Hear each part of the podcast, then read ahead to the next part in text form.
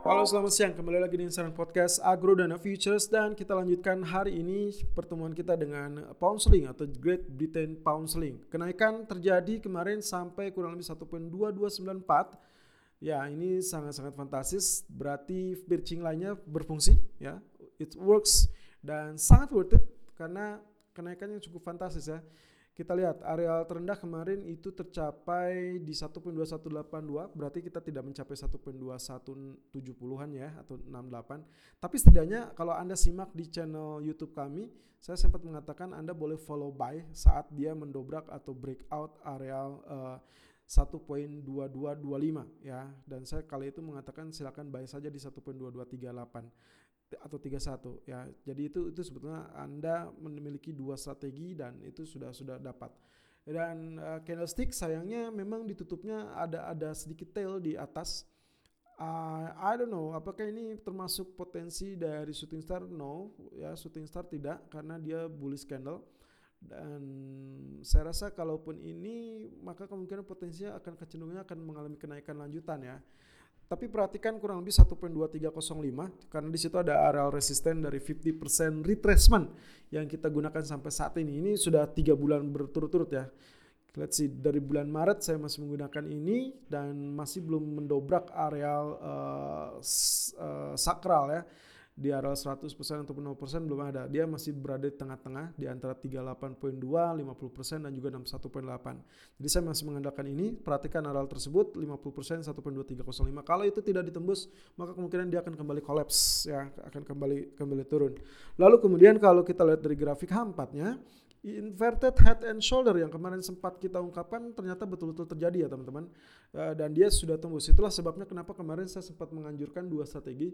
Strategi pertama buy on dip di kisaran 68 1.2168 ataupun 1.2178 kurang lebih atau strategi kedua adalah buy on breakout saat dia menembus 1.2225 dan itu ternyata berhasil ya sampai sampai 1.2294. Nah, untuk kali ini menurut saya yang paling paling logis adalah dia akan terjadi pullback terlebih dulu. Pullback ini kita sebutnya dip kalau untuk buy.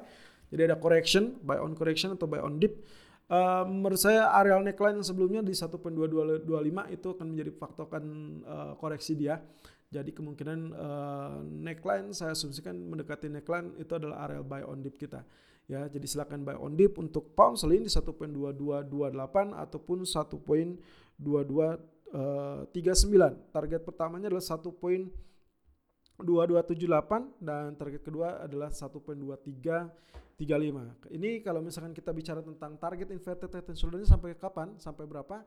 Target maksimalnya sebenarnya 1.2385 teman-teman. Itu itu area yang cukup optimal untuk inverted head shoulder. Tapi 50% area itu berada di kisaran 1.2315. Dan kalau kita lihat dari beritanya, dari data ekonomi kalender yang akan terjadi uh, untuk siang ini di jam 1 siang, retail price index, consumer price index, lalu production price index. Itu akan menjadi fokus perhatian para pelaku pasar.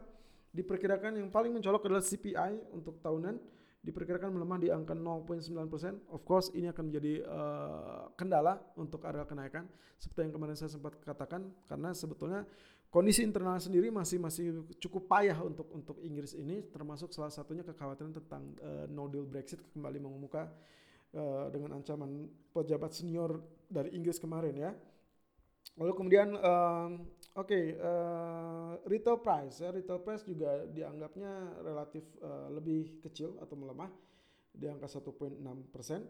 Jadi kita akan melihat potensi ini ini yang akan mengganggu kenaikan. Itulah sebabnya kenapa tadi saya mengingatkan perhatikan 1.2305. Karena kemarin 1.2295 area tertingginya lalu kemudian ada ada retracement 50% di 1.2305. Jadi area dua area itu area berdekatan yang menurut saya kalau itu gagal ditembus kita akan melihat potensi penurunan kembali untuk untuk pound sterling ya.